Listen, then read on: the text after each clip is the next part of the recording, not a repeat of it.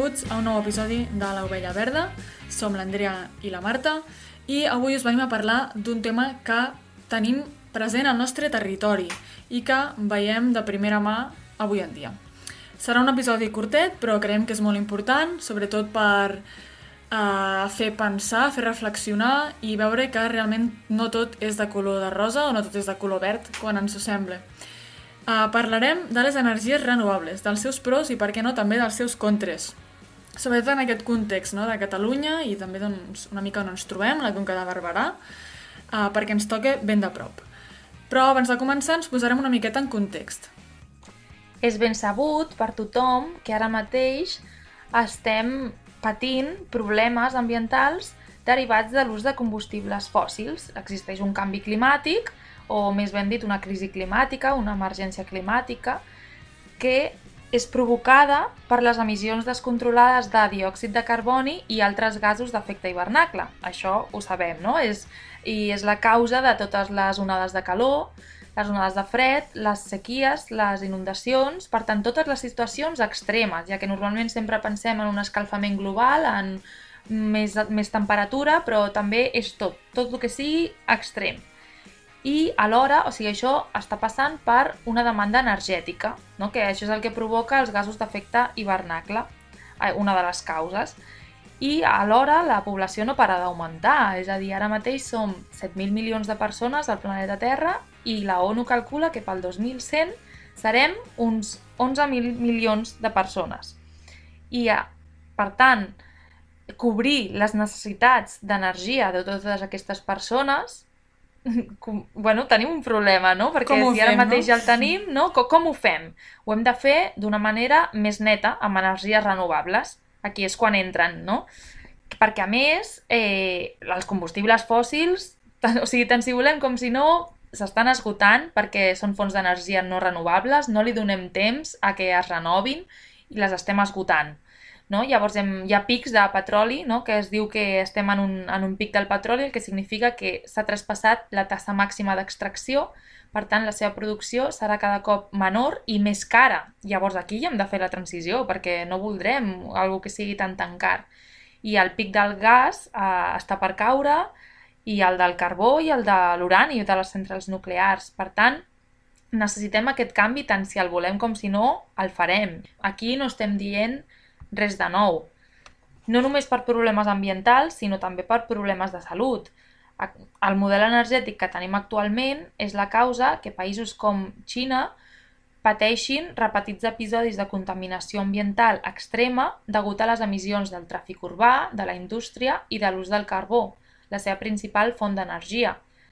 Recentment han arribat a pics que no s'havien registrat abans, episodis que la gent anomena Airpocalypse o apocalipsis de, de l'aire. És més, a tot el món, l'Organització Mundial de la Salut, la OMS, estima que hi ha unes 7, mil, unes 7 milions de morts cada any degut a la contaminació atmosfèrica.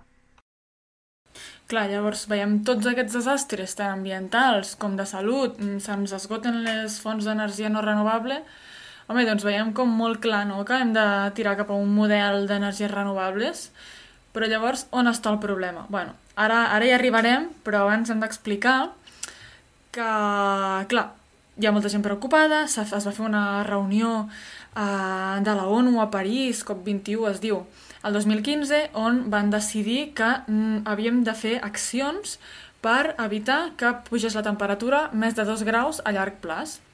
I llavors, arrel d'això, la Unió Europea va marcar uns objectius per assolir el 2030, dos dels quals són que almenys eh, s'havia de fer un 40% de reducció de les emissions de gasos d'efecte hivernacle amb respecte al, dos, al 1990 i que almenys un 32% de les fonts d'energia havien de ser renovables.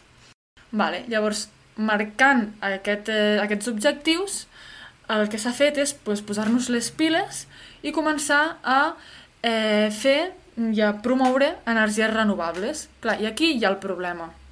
Que aquesta mm, promoció de les energies renovables s'ha fet d'una forma descontrolada, s'ha fet doncs, un, sense una planificació, sense estipular on s'han de situar en el territori aquests aerogeneradors o aquestes plaques fotovoltaiques, perquè recordem que no només estem en una crisi climàtica, també hi ha una crisi de biodiversitat. De fet, més d'un milió d'espècies estan en perill d'extinció i els impactes generats per la col·locació d'aquestes infraestructures al territori degraden el paisatge, degraden els hàbitats i la pèrdua dels hàbitats i la fragmentació dels hàbitats, dels hàbitats són la principal causa de pèrdua de biodiversitat.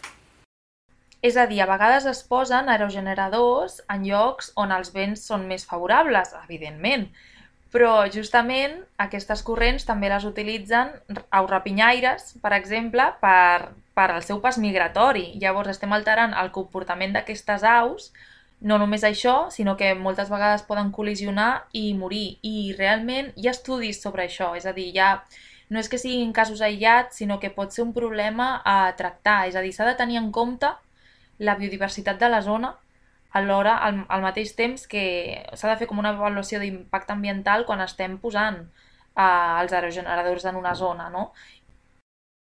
És a dir, que ja no només aquests impactes són directes de col·lisió amb aerogeneradors, sinó també indirectes de fragmentació i alteració de l'hàbitat. Uh, hi ha altres... Um, hi ha altres efectes, com alteració dels cursos hídrics, que poden provocar impactes sobre tot l'hàbitat i, en conseqüència, sobre tota la biodiversitat d'aquell hàbitat. Però el problema no només es troba a la biodiversitat, no, Andrea? Clar, hi ha un altre problema de territori, perquè la, el major consum d'energia es dona a l'àrea metropolitana de Barcelona, aquí a Catalunya, però no, es, no s'estan posant aquests parcs eòlics, entre cometes, no, Marta? Entre... Sí, perquè relacionem parc amb un parc natural de Montseny o el que sigui, no? molt maco, però realment a tu un diumenge al matí no et ve de gust d'anar a passejar per un parc eòlic, no? Llavors, s'haurien d'anomenar més aviat centrals. Però, bueno, nosaltres per entendre'ns direm parc, però s'estan posant aquests parcs eòlics justament lluny, o sigui, a zones rurals, no al voltant de l'àrea metropolitana de Barcelona, no als polígons industrials, ni a zones degradades, ni a zones periurbanes, sinó que s'està posant a les zones rurals perquè els sols agraris són molt més barats. I hi ha aquí uns interessos econòmics d'aquestes empreses, empreses que també estan relacionades amb els recursos no renovables, amb els combustibles sí. fòssils. També dominen tot el sector no renovable. Són les mateixes i les administracions no ho estan facilitant. De fet, estan legislant a favor d'aquestes empreses i no a favor del territori, que, que, haurien, que estàs alterant el seu paisatge, alterant, eh, s'està fragmentant l'hàbitat, com hem dit, i està lluny de les zones de consum, que és el més important. Clar. No té sentit. Eficient, per eficiència no té sentit. Clar, llavors què passa amb això? Doncs també estem afectant l'economia local. Hi ha diferents models.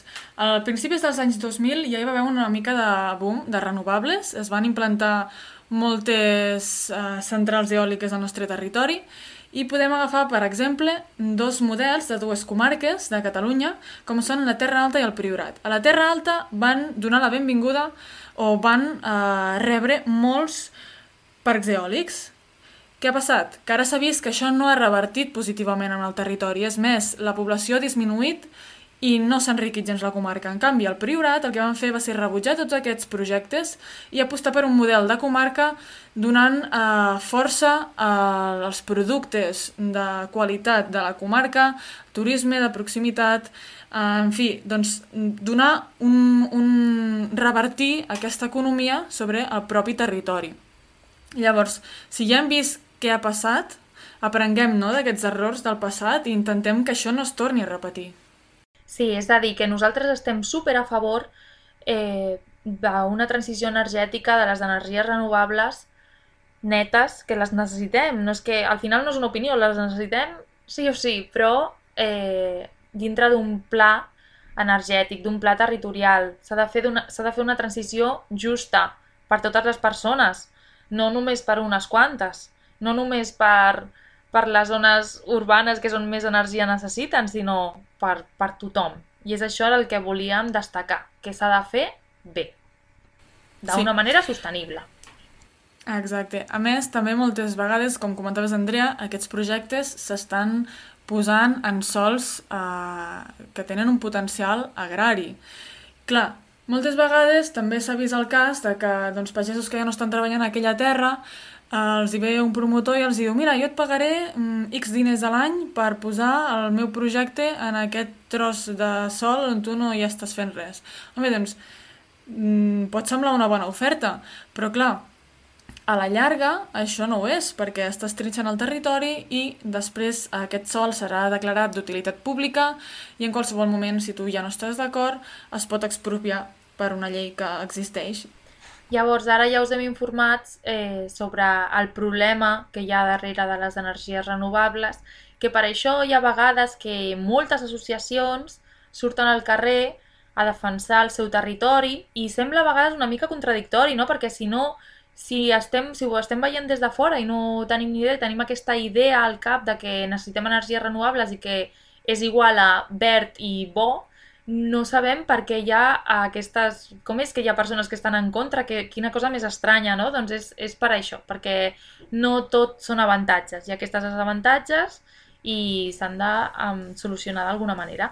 Per tant, si us hem fet pensar una miqueta i tirar del fil, com ens agrada a nosaltres dir, doncs ens, mira, ens quedem contentes i fins aquí l'episodi d'avui.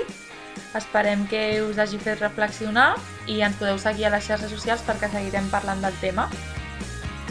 Merci per escoltar-nos. Fins a la pròxima. Adeu!